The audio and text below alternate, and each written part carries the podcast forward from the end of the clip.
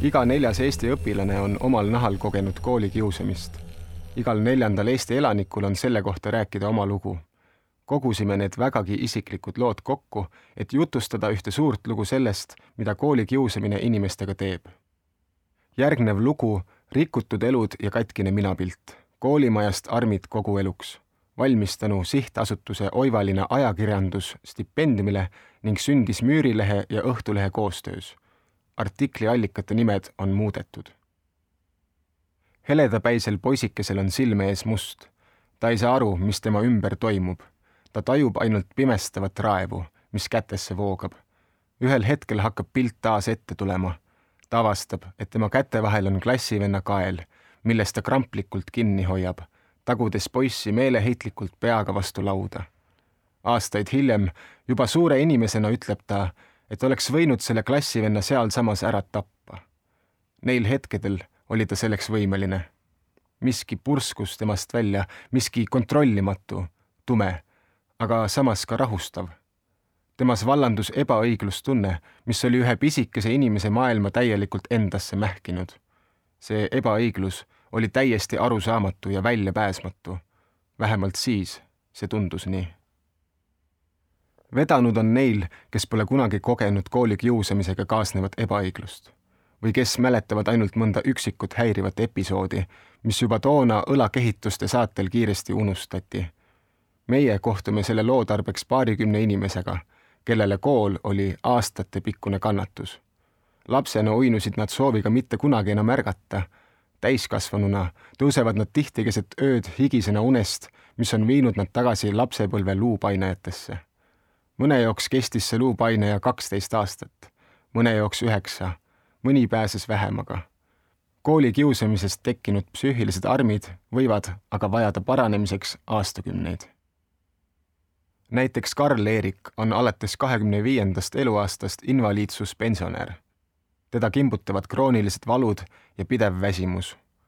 pikka aega ei saanud arstid teda aidata, sest kõik näitajad olid justkui paigas. Analüüsid ütlesid, et inimene on terve. ometi oli päevi, kui kogu tema keha valutas, nagu ta oleks veoauto alla jäänud. praegu võtab Karl-Erik antidepressante ja unerohtu. tegutsemisvõime säilitamiseks peab ta veetma poole ööpäevast magades, et keha saaks taastumiseks piisavalt puhata ülejäänud päeva mahutab ta eelistatult ainult ühe kohtumise või pikema tegevuse. kui meie intervjuu algusest on möödas kolmveerand tundi, hakkab Karl-Eeriku pea väsimusest juba vaikselt ringi käima.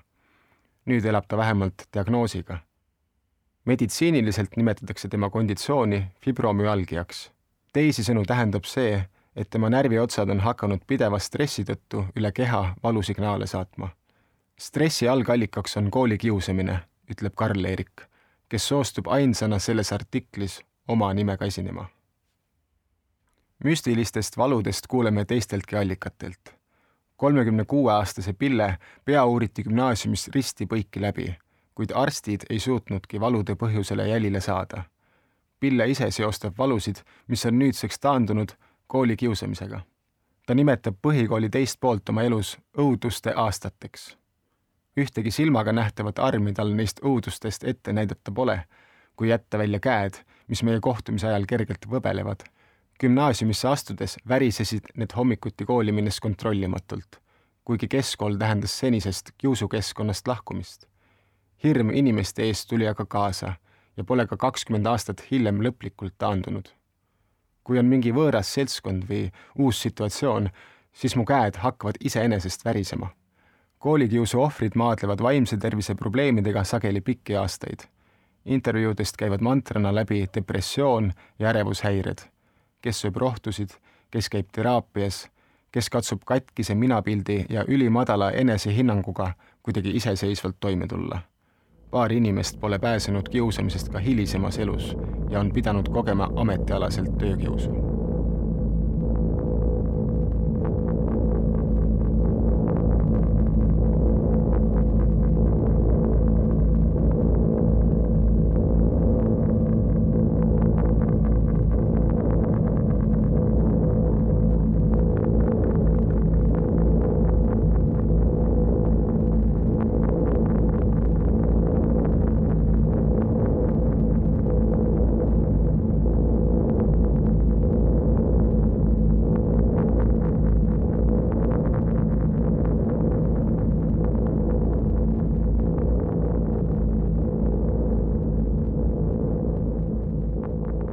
meie arusaamu koolikiusamisest mõjutab meedia.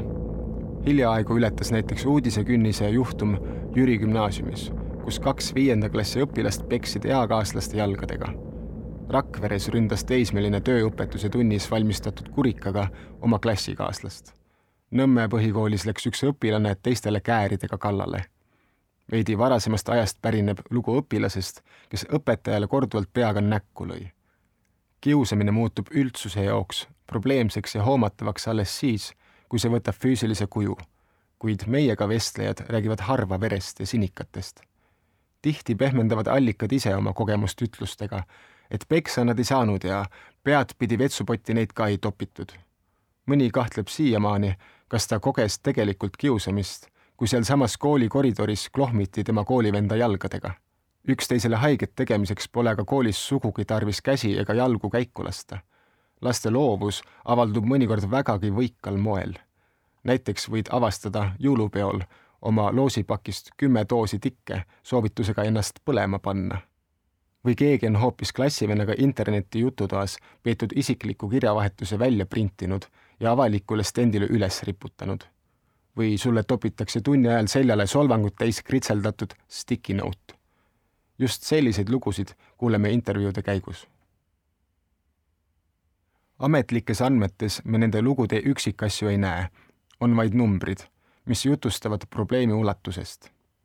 kahe tuhande kaheksateistkümnenda aasta PISA uuringule What school means for student lives toetudes on koolikiusamist kogenud iga neljas õpilane Eestis kuigi kiusamisvormid võivad vanuseti, kultuuriti ja riigiti erineda, domineerivad PISA uuringu kohaselt just sõnaline ja ohvrite sõprussuhteid kahjustav kius. Eesti õpilastest väitis näiteks seitseteist protsenti, et on sattunud teiste pilkaluseks. üheksa protsendi kohta oli levitatud kuulujutte ning kaheksa protsenti oli kogenud tõrjumist. tõukamist ja löömist oli kannatanud seitse protsenti õpilastest ning kuue protsendi kohaselt oli nende asju lõhutud või ära võetud. juhtumid, kui kedagi pilgatakse sõnadega, kellegi üle irvitatakse avalikult või keegi tõrjutakse jõuga kõrvale, ei pälvi reeglina õpetajate ega kooli juhtkonna teravdatud tähelepanu. uuringud näitavad, et õpetajad tunnevad paremini ära ja sekkuvad suurema tõenäosusega füüsilisse kiusamisse tõrjumist või sõnalist kiusu märgatakse vähem ja peetakse ka vähem tõsiseks. teatud käitumist loetaksegi normaalseks. Mõned lapsevanemad ja õpetajad, kelle poole kiusamise ohvriks langenud lapsed oma murega lõpuks pöördusid, soovitasid neil otsesõnu kiusamine lihtsalt ära kannatada. nagu see oleks tusatuju, mis ühel hetkel iseenesest üle läheb see oli topelt traumeeriv kogemus, et sinu piin ja valu lihtsalt tühistatakse, meenutab alles hiljaaegu keskkooli lõpetanud Johanna. kuidas ta üritas vanemate abiga koolis kiusuprobleemi tõstatada, kuid sai selle eest hoopis juhtkonnalt hurjutada.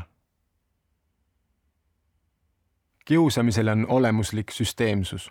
see on korduv tahtlik tegevus, mitte ühekordne konflikt, millega lapsevanemad või haridustöötajad seda sageli segi ajavad Kristiina Treial sihtasutusest Kiusamisvaba Kool tõdeb, et jätkuvalt on levinud väär arusaam, et kiusamine tähendab loomulikku ja isegi vajalikku osa suureks kasvamise protsessist. Tegelikult kujutab kiusamine ohvrite jaoks lakkamatut ärevust, et kohe-kohe juhtub midagi. seda ärevust hoiab alal pidev agressiivsuse foon. isegi need päevad, kui kedagi otseselt ei kiusata, võivad olla kiusamise all kannatajate jaoks kurnavad pisikesed inimesed õpivad pideva alandamise tõttu kakskümmend neli seitse valvel olema. koolist saab nende jaoks sõjatanner ja igast kaasõpilasest potentsiaalne vaenlane. Need lapsed muutuvad väga teadlikuks sellest, mis toimub nende ümber. Nende tundlad on kõikjal ja nad keskenduvad paranoiliselt sellele, mida teised inimesed parajasti mõelda võivad.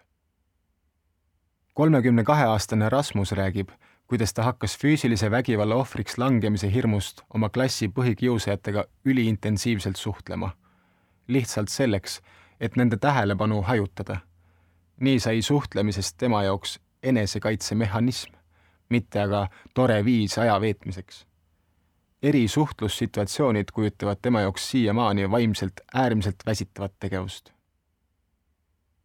Pille tunnistab, et kui ta gümnaasiumisse astudes kooli vahetas, elas ta esimesed kaks aastat pidevas hirmus, et kohe läheb uuesti kiusamine lahti. ma olin uues koolis suures segaduses, sest ma ei teadnud, kuidas käib normaalne suhtlemine ja sõprussuhete loomine. Kui oled nii-öelda krooniliselt ära tõugatud, siis see paistab välja ja on inimesi, kes kasutavad seda ära. täiendab teda kiusamist kogenud kolmekümne nelja aastane Piret Treiali sõnul on kiusamise all kannatavate laste enesehinnang ja minapilt tihti nii katki, et nad võivad sattuda hõlpsalt ka uues keskkonnas solvangute ja pilgete märklauaks.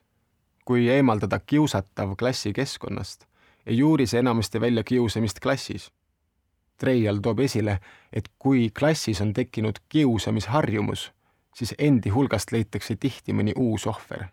enamasti arvatakse, et kiusatakse neid, kes erinevad normist õpivad liiga hästi, kannavad prille, on liiga kogukad või teistest väiksemad. enamiku kehtestatud normaalsus tekitab hierarhia, kuid ka keskmise kehaehitusega ja täpselt klassi keskmistele tulemustele õppides ei pruugi olla kiusamisest pääsu. Mingi põhjuse kiusamise ratsionaliseerimiseks leiab alati, olgu selleks moest väljas koolikott, perekonnanimi või pahatahtlik kuulujutt. näiteks kuuleme klassist kus kiusati kõiki tüdrukuid, kes ei kandnud stringe. üks neiu langes mõnituste sihtmärgiks, sest ta kissitas naeratades silmi. mitmel korral kuuleme pereliini pidi toimuvast kiusamisest, kus väiksemad õed-vennad on sunnitud kordama vanemate pereliikmete nukrat saatust. ja mõnikord võib tekitada kaaslastes halvakspanu isegi kilekott, nagu juhtus Johannaga, kes muutus naerualuseks, kuna ta oli pakkinud oma spordiriided New Yorkeri meesteosakonna kilekotti. Kristiina Treial selgitab, et varem keskendusid teadlased kiusamise riskitegurite väljaselgitamisele lapse sees. Miks laps kiusab või miks ta satub ohvriks ning selliste uuringute põhjal saab panna kokku pikki loetelusid alates toimetuleku ja tundeelu raskustest kuni probleemideni perekonnas. praeguseks on uurijad aga veendunud, et lapse eripäradest on tähtsam klassi ja kooli suhtluskultuur, mis normid kehtivad mis on lubatud ja mis mitte. kas teistmoodi olla on normaalne või on normaalne hoopis kellegi väljatõrjumine, alandamine? Klassides, kus on rohkem sallivust erinevuste suhtes, hoolimist, austust, aga ka kiusamise märkamist ja taunimist, on ka vähem kiusamist, ütleb Treial, kuid rõhutab, et kuigi lapsed tulevad kooli oma kogemuste seljakotiga, saavad õpetajad klassis kehtivaid norme teadlikult kujundada ent seegi nõuab järjepidevat tööd. sellist suhtlusnormide ja kultuuride erinevust kinnitab ka kolmekümne seitsme aastase Aleksandri kogemus, kes sattus pärast koolivahetust keskkoolis klassi, mis esindas sotsiaalset läbilõiget ühiskonnast. meil oli üks homoseksualist, kes oli täiesti kapist välja tulnud, mingi nu metalli tšikk, räpi tšikk, kaks punkarit, mõned maoossid, olid mingid botaanikud, kõike oli keskkoolis kiusamist sellisel kujul, nagu meil põhikoolis üldse ei eksisteerinud. see suhtumine oli absoluutselt eluterve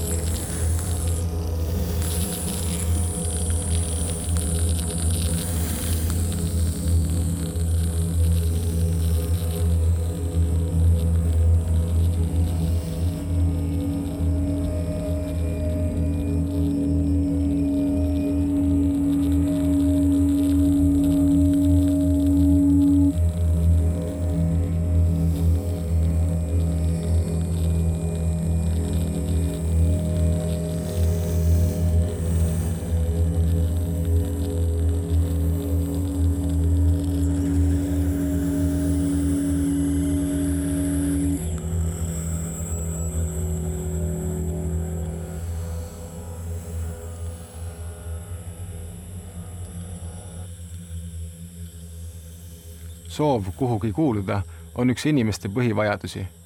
kui tunned suurema osa päevast, et on teised inimesed ja siis oled sina, siis see loomulikult mõjub enesehinnangule täiesti hävitavalt, ütleb üheksa aastat koolikiusu kogenud Reet. tema esimesed mälestused koolist olid igati positiivsed. tekkisid sõbrad, üksteisel käidi külas, mängiti. mida üks üheksa-aastane elult rohkemat ihaldada oskab? Ühtäkki polnud aga kolmandas klassis enam kedagi, kellega saaks isegi paar sõna vahetada. ta leidis end päevapealt mitte lihtsalt hüljatu, vaid põlatuna. klassis moodustus poppide lastekamp. Nemad otsustasid teiste õpilaste koha klassi hierarhias. kui nad sinuga sõbralikult suhtlesid, olid sa tegija, kui mitte, olid sa kõnts. kõnts. just seda sõna kasutab neljakümne kolme aastane Reet korduvalt kolmekümne aasta taguse iseenda kohta. isoleerimise peene kunsti õpivad lapsed ära käigult. sa ei tea kiusatuna kunagi, milline päev sind ees ootab. äkki on just täna võetud nõuks sinusse veidi leebemalt suhtuda. manipuleerivaimad kiusajad annavad vahepeal lootust. jah, ka sinul on võimalik mõnikord meiega seltsida, aga arvesta sellega, et meil on õigus sind alati alandada ja järgmise vahetunni ajal sinust taas demonstratiivselt suure kaarega mööda kõndida. mõni kiusatav õppis ennast ise alandama, tegema nalja iseenda saamatuse või väljanägemise üle. ennetama kiusajaid lootuses, et just nõnda lunastatakse pääse populaarsete laste sekka. viskasin ennast ise auto alla, et kuhugi kuuluda, meenutab Karl-Erik. Need lootused olid muidugi määratud luhtuma kiusajad said sellest ainult rohkem inspiratsiooni ja innustust, mõni ehk isegi eneseõigustust. kohtume ka paari endise kiusajaga. üks nendest, kolmekümne viie aastane tallinlanna Liis, tuulas intervjuuks valmistudes vanades fotoalbumites. pildid klassikaaslaste sünnipäevadelt, keegi on kutsunud bowlingut mängima, mõned pildid McDonaldsist, kus kõigil on laste einest juba natuke paha olla klassikalised tähtpäevad kartulisalati ja morsiga. suurematel pidudel on kohal pea kogu klass. Liis ei leia ka üheltki pildilt meie jutuajamise peategelast, neiut, keda kogu klass hakkas tõrjuma puuduliku hügieeni pärast. üheksa aastat, mille käigus kolmekümnepealine lastekari jõuab kümneid kordi mängutubadesse, batuudikeskustesse või kardiradadele koguneda, et rõõmsate kilgete saatel päev õhtusse saata üheksa aastat ja mitte ühtegi fotojäädvustust tüdrukust, kes sellesama seltskonnaga viis päeva nädalas ninapidi koos oli. teda pole ühelgi ühispildil ja ei saagi olla, sest ta polnud kunagi kutsutud. ninapidi koos on muidugi natuke eksitav väljend, sest ainetundides istus meie jutuajamise peategelane eranditult üksi. tema kõrvale istumine ei tulnud kõne alla ka grupitööde puhul kui sellest üritati silmi pööritades, kulmu kortsutades ja valjult jõu karjudes kuidagi välja vingerdada. kiusatava kõrval istumine oli klassikaaslaste jaoks lihtsalt nõnda alandav. koolikiusu ohvrid tahaksid nendel hetkedel aga sügavale maa alla vajuda, muutuda sama nähtamatuks, nagu nad olid nendel sünnipäevadel, kuhu neid kunagi ei kutsutud. parem juba olla nähtamatu kui kõnts. Hollywoodi filmidega on muudetud klišeeks olukord, kus kõige väiksem kleenukesem ja nohiklikum poiss või tüdruk jääb spordivõistkondade valimisel alati ripakile. mitte keegi ei taha teda. parem anda juba vabatahtlikult vastasvõistkonnale arvuline ülekaal. seda ebamugavat stseeni on etendatud filmides sadu kordi.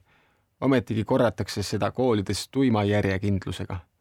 Karl-Erik on üks neist, kes jäi tiimide valimisel alati viimaseks meeskondade kaptenid ohkasid alati, kui nad pidid minu tiimi võtma. teised samal ajal naersid. just see välistamine tegi kõige rohkem haiget. päris mitu kiusatut tunnistavad intervjuude käigus, et sellist tegelast nagu sõber ei eksisteerinud nende elus aastaid. minu ainsateks sõpradeks olid neljajalgsed loomad ja tegelased raamatukaante vahel, meenutab Pille oma esimest üheksat kooliaastat halvemal juhul koondus kogu sotsiaalne elu nende laste sisemaailma, mis oli selle võrra rikkalikum. õnnelikumad olid need, kes leidsid endale kogukonna internetist, mõnest huviringist või kodu ümbrusest. Rasmus, kes põgenes omal ajal koolikiusu eest virtuaalmaailma, kus ta oli viiekümne eri veebi- ja fännilehe haldaja, teiste hulgas toona suurim Batmani fännikogukond, avastas alles aastaid hiljem, kuivõrd võõras on tema jaoks kontseptsioon sõber tuleb külla või saame sõpradega kokku. ühel hetkel, kui sind on süstemaatiliselt ühisolengutelt klassikaaslastega välja jäetud, võid sa hakata kõigele sellisele vastanduma. võtadki oma lipukirjaks, et sa oled teistsugune, üksiklane, inimene, kellele pole sõpru tarvis, inimene, kes saab alati ise hakkama, kes lepibki selle lõputuna näiva üksindusega. aga kas inimene võib olla tõepoolest saar või on ta seda ainult seetõttu, et teda ümbritsev meri on olnud kogu aeg tormine? peale selle, et mitmed koolikiusu ohvrid on siiamaani sunnitud tegelema koolipõlves saadud armidega, ripub neil lisaks küsimusele, miks just mina, pea kohal ka üleüldine arusaamatus. kuidas tärkab inimeses seeme oma klassivenda või õdesid päevast päeva vaimselt või füüsiliselt madaldada? Nii mõtiskleb esimesest üheksanda klassini kiusamist kogenud Anna nõutult, et kui meieni ulatuvad uudised koolikiusamise tagajärjel tehtud enesetappudest, siis miks ei jõua kiusajatele kohale, kuidas nende käitumine inimest mõjutab? kas tema ohver ei tee enesetappu? kas tema ei kiusagi nii hullusti? Kristiina Treial toob kiusamiskäitumise ühe põhjusena välja, et selle taga on kõige sagedamini lapse vajadus olla oluline kaaslaste hulgas tähtis, mõjukas ning kahjuks on kaaslastele liiga tegemine päris tõhus viis oma staatuse tõstmiseks. selle tõestuseks kuuleme mitmel korral, kuidas kiusajagrupi liidri koolist puudumisel möödus mõni päev paremini kui teine või kui puudusid kiusaja sõbrad, ei kippunud ta üksi oma ohvreid puutuma. teine päris levinud põhjus on põnevusvajadus, niinimetatud kino tegemine, mis toimub paraku kellegi teise heaolu arvelt ning kahjuks on selle linateose keskmes päris elu. samamoodi võib Treiali sõnul kiusata ka väga tubli ja heade suhtlusoskustega laps, kellest täiskasvanud seda üldse ei ootakski. selline laps võib kasutada oma häid suhtlusoskuseid kurjasti, näiteks alandamiseks või tõrjumiseks. enamasti ei ole kiusaja niinimetatud paha laps, vaid laps, kes vajab ka tähelepanu või isegi abi, selgitab Treial paradoksaalselt on päris suur osa kiusajatest ka need, kes ise koolis kiusu käes kannatavad. seda kinnitab ka Piret, kes, olles samal ajal kiusatu, liitus vahel kiusajaga kamba mentaliteedist, selleks, et ise pääseda, hiljem tehtud südamest kahetsedes. mu klassiõde oli loome poolest hästi kiuslik ja õel. mõnikord, kui tema alustas, läksin ma sellega kaasa, aga mitte kogu aeg seda juhtus temaga võrreldes palju vähem. mina teadsin, mis tunne see on, kui sind kiusatakse, aga tal vist polnud üldse mingit empaatiavõimet. ka Anna tunnistab, kuidas ta keskkoolis ühele klassivennale vahel rumalust ette heitis, kuid mõistis õige pea, et see pole õige. ma ju ise olin alles ohver, ütleb ta ning lisab, et inimestel on väga lihtne kiusajaks hakata. aga ma ei tea, miks on vaja seda teha kas selleks, et iseennast kehtestada ja paremini tunda, et ma olen nüüd mingi tegija kaheksandas klassis, küsib ta irooniliselt. Pille meenutab aga teisest klassist nende kooli tulnud ülekaalulist tütarlast, kes oma kehakaalu aadressil üsna varsti kaasõpilaste kiuslikke märkusi pälvima hakkas. kui ta tüdrukuga sõbraks sai, otsustas too populaarsuse võitmiseks hoopis tema vastu pöörduda ning teda kiusama hakata mõjutades sellega Pille sõprussuhete loomist ka hilisemas elus. kamba mentaliteeti peegeldab meiega oma lugu jaganud Rene, kes kirjeldab end kui head õpilast, nohikut, kes pidi heade tulemuste nimel vähe pingutama, kuid kes on olnud nii kiusaja kui ka kiusamise kõrvaltvaataja rollis. ta tunnistab, et ei hakanud kiusajaks mitte seepärast, et see oleks talle mingit naudingut pakkunud. ma vist võtsin seda kuidagi niimoodi, et on justkui mingi ootus, et seda tuleb teha. kiusamine oli miski, mida tehti, kui sõprusgrupid hilisemates klassides ümber jaotusid, olid ka selles seltskonnas paigas omamoodi hierarhiad, mistõttu ta sattus ka ise psühholoogilise töötlemise turmtule alla. käisime ühiselt pidudel ja olime kogu aeg koos, kuid selle koos olemise juurde kuulus pidevalt see, et inimestele heideti ette piinlikke või totakaid asju, mida nad olid varem teinud, kusjuures Need püüti alati üle võimendada, et tekitada inimeses vastureaktsiooni, meenutab ta. Kristiina Treial kommenteerib, et kiusamise puhul pole kannatajaks ainult kiusatav, vaid ka kiusaja ise ning need, kes seda kõike pealt näevad. juhtub, et kiusajad jäävad kinni oma rolli, mille täitmist neilt pidevalt oodatakse ning sellest rollist välja tulla ei ole lapsel enam sugugi kerge Treial selgitab Norras tehtud uuringutele viidates, et kui laps on põhikooli aja teisi kiusanud, on tal rohkem kui neli korda suurem risk olla noore täiskasvanuna politseis kuriteoga arvel. kui me räägime sellest, miks on koolides väga vaja kiusamist ära hoida, siis see on ka võimas vahend kuritegevuse ja vaimse tervise probleemide ennetamiseks ning ühiskondliku toimetuleku soodustamiseks inimeste hilisemas elus. mis puudutab kõrvaltvaatajaid, siis Treial viitab grupinormidele, mis ei ripu lihtsalt õhus, vaid mida kannavad edasi needsamad kõrvaltvaatajad, kelle võimuses on suuresti see, kas kiusamisele astutakse vahele. kinnistuvad normid, et meil on õigus teisi alandada ja teistega vägivaldselt käituda ning need kanduvad inimestega edasi. Needsamad normid levivad ühiskonda laiemalt ja kinnitavad seal kanda, ütleb ta. teise aspektina toob ta välja pideva stressifooni klassis kui toimub kiusamine. see mõjutab ka pealtvaatajate suutlikkust õppimisele keskenduda ja mõnuga õppida. isegi kui klassikeskkonnas juurdunud käitumismall paistab olevat hilisemas elus näiliselt maha raputatud, ei pruugi see klassikaaslastega uuesti vanasse keskkonda sisenedes nii olla. ent algklassides niinimetatud põhjakihist leidnud Reet meenutab neli aastat pärast lõpetamist toimunud klassikokkutulekut, kus kius jätkus. meie versus sina ärapõlatu. varjatumalt, kuid vägagi äratuntavalt. kui oled harjunud konkreetses seltskonnas mingit rolli mängima, siis see tuleb kuidagi nii automaatselt tagasi, kui sama seltskond sulle ümber pannakse, lausub ta. kõige nukramad on kiusamislood, mille alguspunktis on inimesed, kes peaksid tagama turvalise ja hoitud koolitee, õpetajad.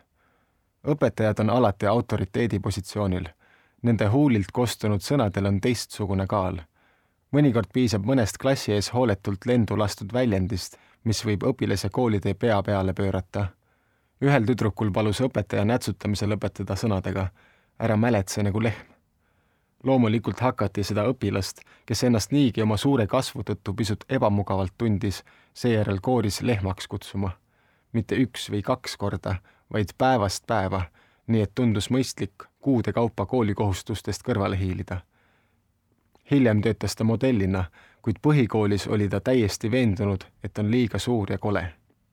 leidub aga ka pedagooge, kelle kogu õpetamismetoodika põhineb alandamisel.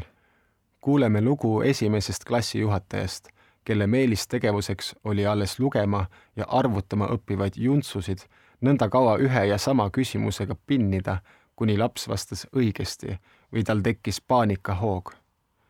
kui klassijuhataja kannatus katkes, meeldis talle haarata nutma puhkeva lapse käsivarrest, et sellega ise õige vastus tahvlile kirjutada. tegelikult ta lihtsalt tagus lapse kätt vastu tahvlit, meenutab kõike seda pealt näinud Piret. tema ise mäletab siiani eredalt üht matemaatikatundi, kus ta oli parajasti juba kolmandat korda sama ülesannet vastamas, omamata vähimatki aimu sellest, mida ta valesti on teinud. ma hakkasin nutma, mu käed värisesid, mul oli õpik käes ja siis ta võttis mul lõuast kinni ja tõmbas mu pilgu üles, et ma talle otsa vaataksin, kui ma temaga räägin. veel meeldis sellele klassijuhatajale kogu klassi ees mõne õpilase isiklikku elu lahata. minu kohta ütles ta, et ma olen räpane ega pese end. minu sotsiaalselt kohmakalt klassivennalt kes puudus mõnikord mitmeid kuid koolist, küsis ta samal ajal, kui ülejäänud klass töövihikust ülesandeid lahendas üle klassi. noh, kas olid jälle haiglas? mis arst rääkis? kas rohud aitavad? kas uss on nüüd lõpuks sinust välja saanud? sadistlike kalduvustega klassijuhataja lahkus küll pärast kolme esimest kooliaastat, kuid jättis endast maha katkised lapsed, kes mõistsid üksteisega kõnelda ainult vaimse vägivalla keeles või siis lugu ühest väikesest maakoolist.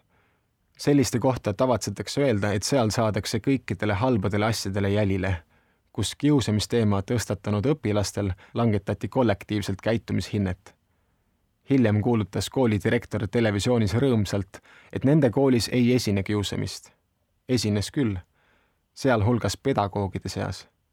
Selle tõestuseks võib tuua kehalise kasvatuse õpetaja, kes andis õpilastele ülesandeks analüüsida oma kehakaalu. kui seejärel justkui selgus, et keegi on alakaaluline, ei räägitud sellest mitte eraviisiliselt, vaid ikka nii, et kogu klass kuuleks see õpetaja kommenteeris ka minu kehakuju ja uuris, kuidas ma oma kitsaste puusadega ühel päeval sünnitamisega hakkama saan, meenutab Pille, kuidas teda kolmeteistaastaselt anorektikuks hakati tituleerima. õpetajad peaksid olema need, kes märkavad koolikiusamist ja reageerivad sellele. kui nende ainus reaktsioon on kerge muie suul või roppusi kuuldes punapõskedel, saavad pedagoogidest koolikiusamise kaasosalised mitmel korral pöördub meie allikate jutt tagasi võimlasse, kus võistkondade kaptenid omavahel häälekalt kisklevad, et kiusatavat mitte oma meeskonda valida. Kui õpetaja seisab kõrval, muigab ega reageeri kuidagi, siis see tähendab ju tegelikult, et ta kiidab toimuva heaks, leiab üks intervjueeritav.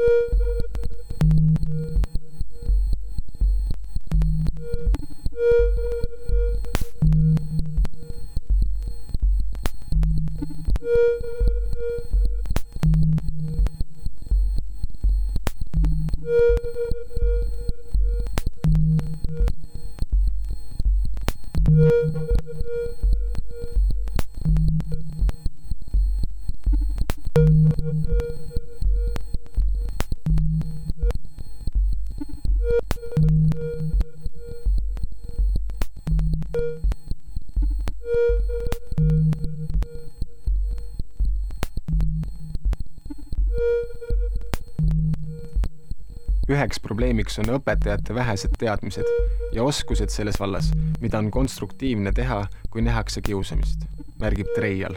ebakindlus oma pädevuses suurendab aga sekkumisest hoidumist. kui õpilased tajuvad õpetajate ebakindlust, siis ei usu ka nemad, et õpetajad saaksid kiusamist peatada ning väheneb täiskasvanutele kiusamisest rääkimine. häbi ja hirm takistavad koolikiusu ohvritele abi otsimist häbi seepärast, et äkki nad on tõepoolest kuidagi teistsugused. hirm, et õpetajate või vanemate sekkumine muudab kiusamise veel intensiivsemaks. Kristiina Treiali sõnul pelgavad paljud lapsevanemad samal põhjusel kiusamisteema tõstatamist koolides. hirm pole päris alusetu, sest koolide reaktsioon selliste probleemide ilmnedes võib olla väga juhuslik. Pille saadeti näiteks psühholoogi juurde kes pani aastaid koolikiusu talunud lapsele südamele, et ta peab muutuma. psühholoog ütles sisuliselt, et selles, et mind kiusatakse, on süüdi minu omadused või minu käitumine. hiljem korraldas seesama psühholoog kohtumise kogu klassiga, kus kõik kiusajad näitasid ennast parimast küljest kuni vabanduse palumiseni välja. klass väitis, et nad ei saanud aru, et mõni väike ütlemine võis mulle nii halvasti mõjuda pärast seda läks asi loomulikult poole hullemaks, meenutab Pille kahekümne aasta taguseid seiku. sarnasest kooli korraldatud kohtumisest kiusatava ja kiusajate vahel kuuleme veel ühe allika suust. see lõppes fiaskoga, kui kooli sotsiaaltöötaja nõustus põhimõtteliselt kiusajatega, et see on ju kõigest nali. tegemist on aga klassikalise näitega taasohvristamisest, mida asjatundjad paluvad kindlasti vältida kuna kiusamine ei ole tavaliselt ühekordne juhtum, siis ka kiusamise peatamine vajab pikemat lahendusprotsessi, mitmeid kohtumisi, kokkuleppeid, jälgimist, järelvestlusi. ei piisa sellest, kui õpetaja ütleb, et lõpetage ära, kommenteerib Treial. kuna sellist protsessi paljudes koolides ei eksisteeri, on koolikiusu küüsi sattunud, otsinud viise tekkinud olukorrast iseseisvalt välja rabelemiseks. kodune õpetus oli, et ära tee välja või löö vastu, ütleb kahes Harjumaa koolis koolikiusu kogenud Marek, kes talitas täpselt vanemate juhtnööride järgi. ta eiras olukorda, kuni ühel hetkel plahvatas ja kargas oma kiusajatele kallale. tema olekski võinud oma klassivenna peaaegu ära tappa kooli kiusamisest tekkinud frustratsioonil polnud tema jaoks paremat väljundit kui füüsiline vägivald. ma mäletan, et teiste peksmine tekitas tollal hea tunde, katarsis. Lihtsalt peksaks kõik läbi, taoks neil suud kinni ja lõpetaks selle ära, ütleb ta aastaid hiljem. Mareki pea oli noorena täis vägivaldseid mõtteid. ta oli teismeline, kelle silmadest peegeldus sisemuses pulbitsev haiglane raev viha on defineerinud paljude koolikiusu ohvrite noorpõlve. Rahel, keda kiusati mitmes Tartu koolis, väidab, et tal jäi teismeeas napilt puudu natsiideoloogia omaks võtmisest. Ta käis viiendas klassis, kui kooli koridorides hakkasid ringlema jutud, et ta on eelmises koolis ühele õpilasele suuseksi teinud. kaasõpilased sosistasid ja näitasid näpuga, kui ta neist mööda kõndis. kiusamisse oli haaratud pea kogu kool vahetunnis tundis ta ennast nagu gasell krokodilli tiigi ääres. kellegi kuri keel maalis kaheteistaastasest tüdrukust lõtvade elukommetega naise portree, mis jälitas teda veel aastaid pärast kooli lõpetamist. ühes hilisemas töökohas tutvus Rahel noormehega, kes väitis, et tunneb teda kooliajast. see tekitas Rahelis nii suure paanika, et nädal aega hiljem sattus ta psühhiaatriahaiglasse uuringute järgi on koolikiusamise ohvrite seas koolist väljalangemise risk suurem, sest kiusamisest hoidumiseks hakkavad lapsed kooli vältima. Neljakümne kuue aastase Maarja suust kuulemegi paralleelelust, mis sai alguse juba üheteistaastaselt, kui ta pidevast narrimisest pääsemiseks kavala plaani sepistas. igal hommikul pakkis ta oma koolikoti kokku, ütles vanematele head aega ja läks koduuksest välja kuid selle asemel, et võtta ette koolitee, suundus ta oma Õismäe korrusmaja keldrisse, kus ta redutas seni, kuni ema-isa olid kodust lahkunud. keldris oli tüdrukul oma peiduurgas, ta viis sinna sööki ja raamatuid, et veeta seal vajaduse korral pikemaid perioode. koolis rääkis ta õpetajatele ja klassikaaslastele, et ta on haige, võltsides selleks arstidelt varastatud blankette Maarja suutis korduvalt kehalise kasvatuse õpetajale valetada, et pani puudumistõendi tema lauale, kuid ilmselt viis tuul selle ära. selline popitamine kestis põhikooli lõpuni. koolist ei langenud ta välja ainult tänu oma lahtisele peale.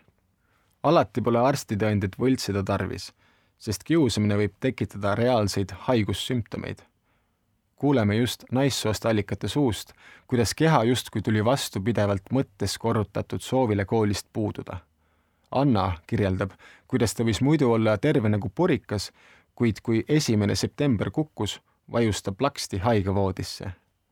augusti lõpp tõi alati kaasa paanikahood, meenutab Pille, kes vaheaegade vahel pikisilmi tõvevoodisse langemist ootas.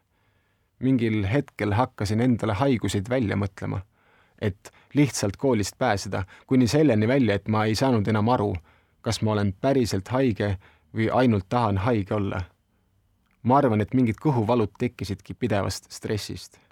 Kristiina Treiale sõnutsi on koolikiusamise ohvritele iseloomulik kõrgenenud ärevus ja stressitase, depressiooni sümptomid, teistest kaaslastest eemale tõmbumine ning enesehinnangu langus, mis võib pikema aja jooksul viia tõsiste terviseprobleemide ja isegi suitsiidimõteteni. Rahel tegeles põhikoolis regulaarselt eneselõikumisega.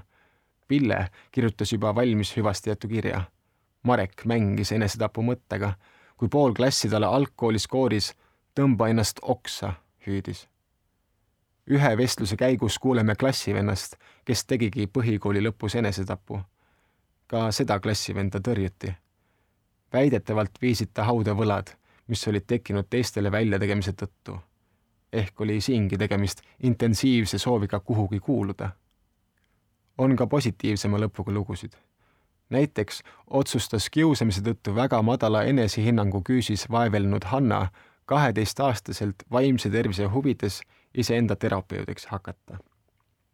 järjekordse ärevus ja nutuhoo järel sattus ta juhuslikult ühiskonnaõpetuse töövihikut lappama.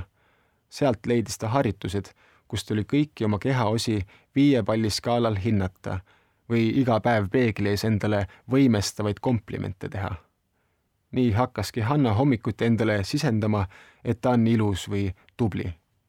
Neid harjutusi pidevalt korrates taastus usk iseendasse. See aitas kaitsekihti tekitada mul oli mingil hetkel juba jumala suva, mida mulle öeldakse. tegi haiget küll, aga ma ei võtnud seda lõpuks hinge. tagasi vaadates peab ta koolis toimunud äraspidisel moel isegi positiivseks kogemuseks. võimalus puutuda kokku millegi ebameeldivaga ja sellest kasvada on väga tänuväärne. see andis mulle mingid võitlusoskused Karl-Erik räägib meile samuti loogilistest mantratest, mis teda põhikooli lõpus kiusamise põhjustatud mustast august välja aitasid. ma hakkasin nägema, et ka teised inimesed tunnevad ennast oma soengu või välimuse pärast halvasti, kuigi nende välimusel polnud midagi viga. järelikult ei tohiks ka minu välimusel midagi viga olla. ta kasvatas endale seejärel pikad juuksed, hakkas teadlikumalt riideid valima, teistsugust muusikat kuulama kõigele veel rohkem vastanduma.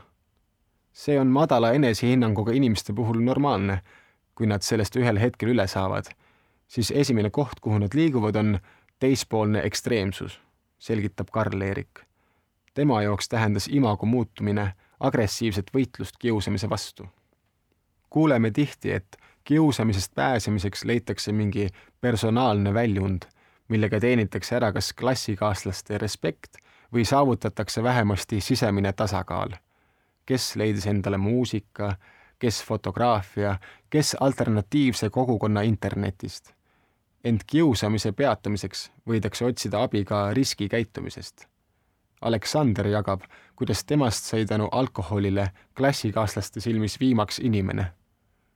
kaheksandas klassis kutsuti mind esimest korda kellegi sünnipäevale, kus me ennast kohe ilusti täis jõime kui selgus, et ma suudan normaalselt tina panna, siis hakati juba tõsisemalt vaatama. valgest varesest sai õllepudeleid tühjendades peaaegu et oma inimene. koolikiusamine muudab inimesi. optimistlikust ekstraverdist saab kartlik introvert. uudishimuliku pilguga seitsmeaastasest vihase grimassiga täiskasvanu. me kuuleme lugusid sellest, kuidas inimesed avastavad enda jaoks musta huumori iroonia, mille võib ajada kergelt segi õelusega. päris mitu allikat suudavad meenutada detailselt hetke, kui nad õppisid kaaslaste torgetest enam mitte välja tegema. jätma muljet, et neil on täiesti ükskõik, mida neile öeldakse, kuigi õlakehitus oli tegelikkuses kõigest ajutine plaaster haavadele, mis olid juba liiga suureks paisunud. kas nad andsid sel hetkel alla või said kiusamisest võitu?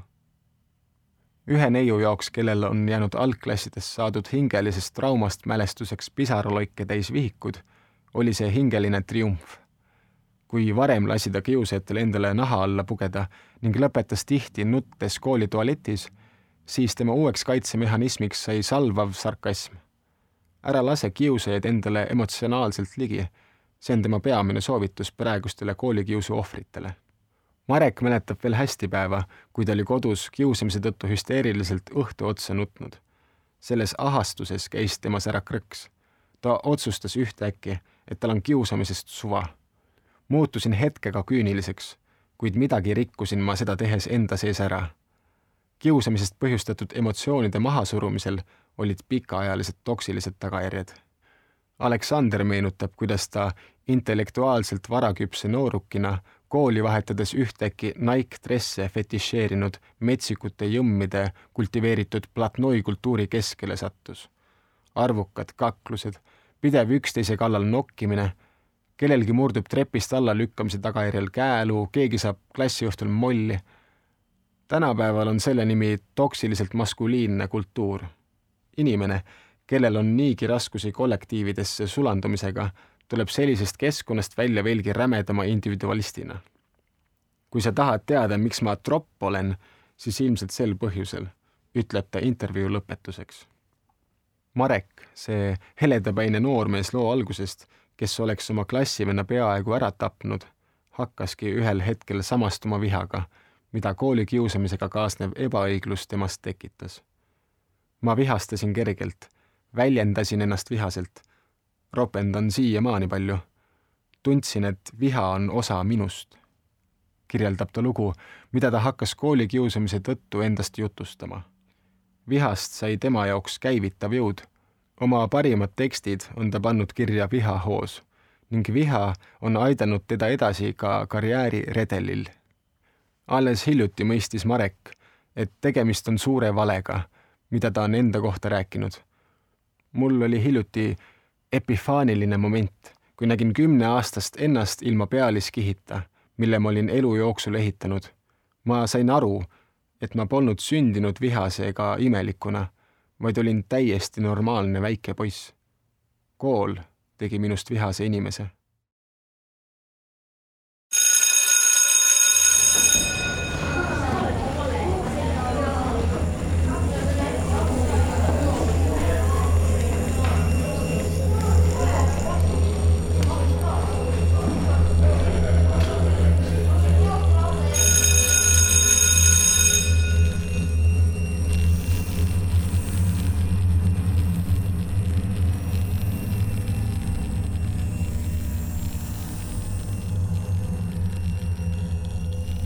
Rikutud elud ja katkine minapilt.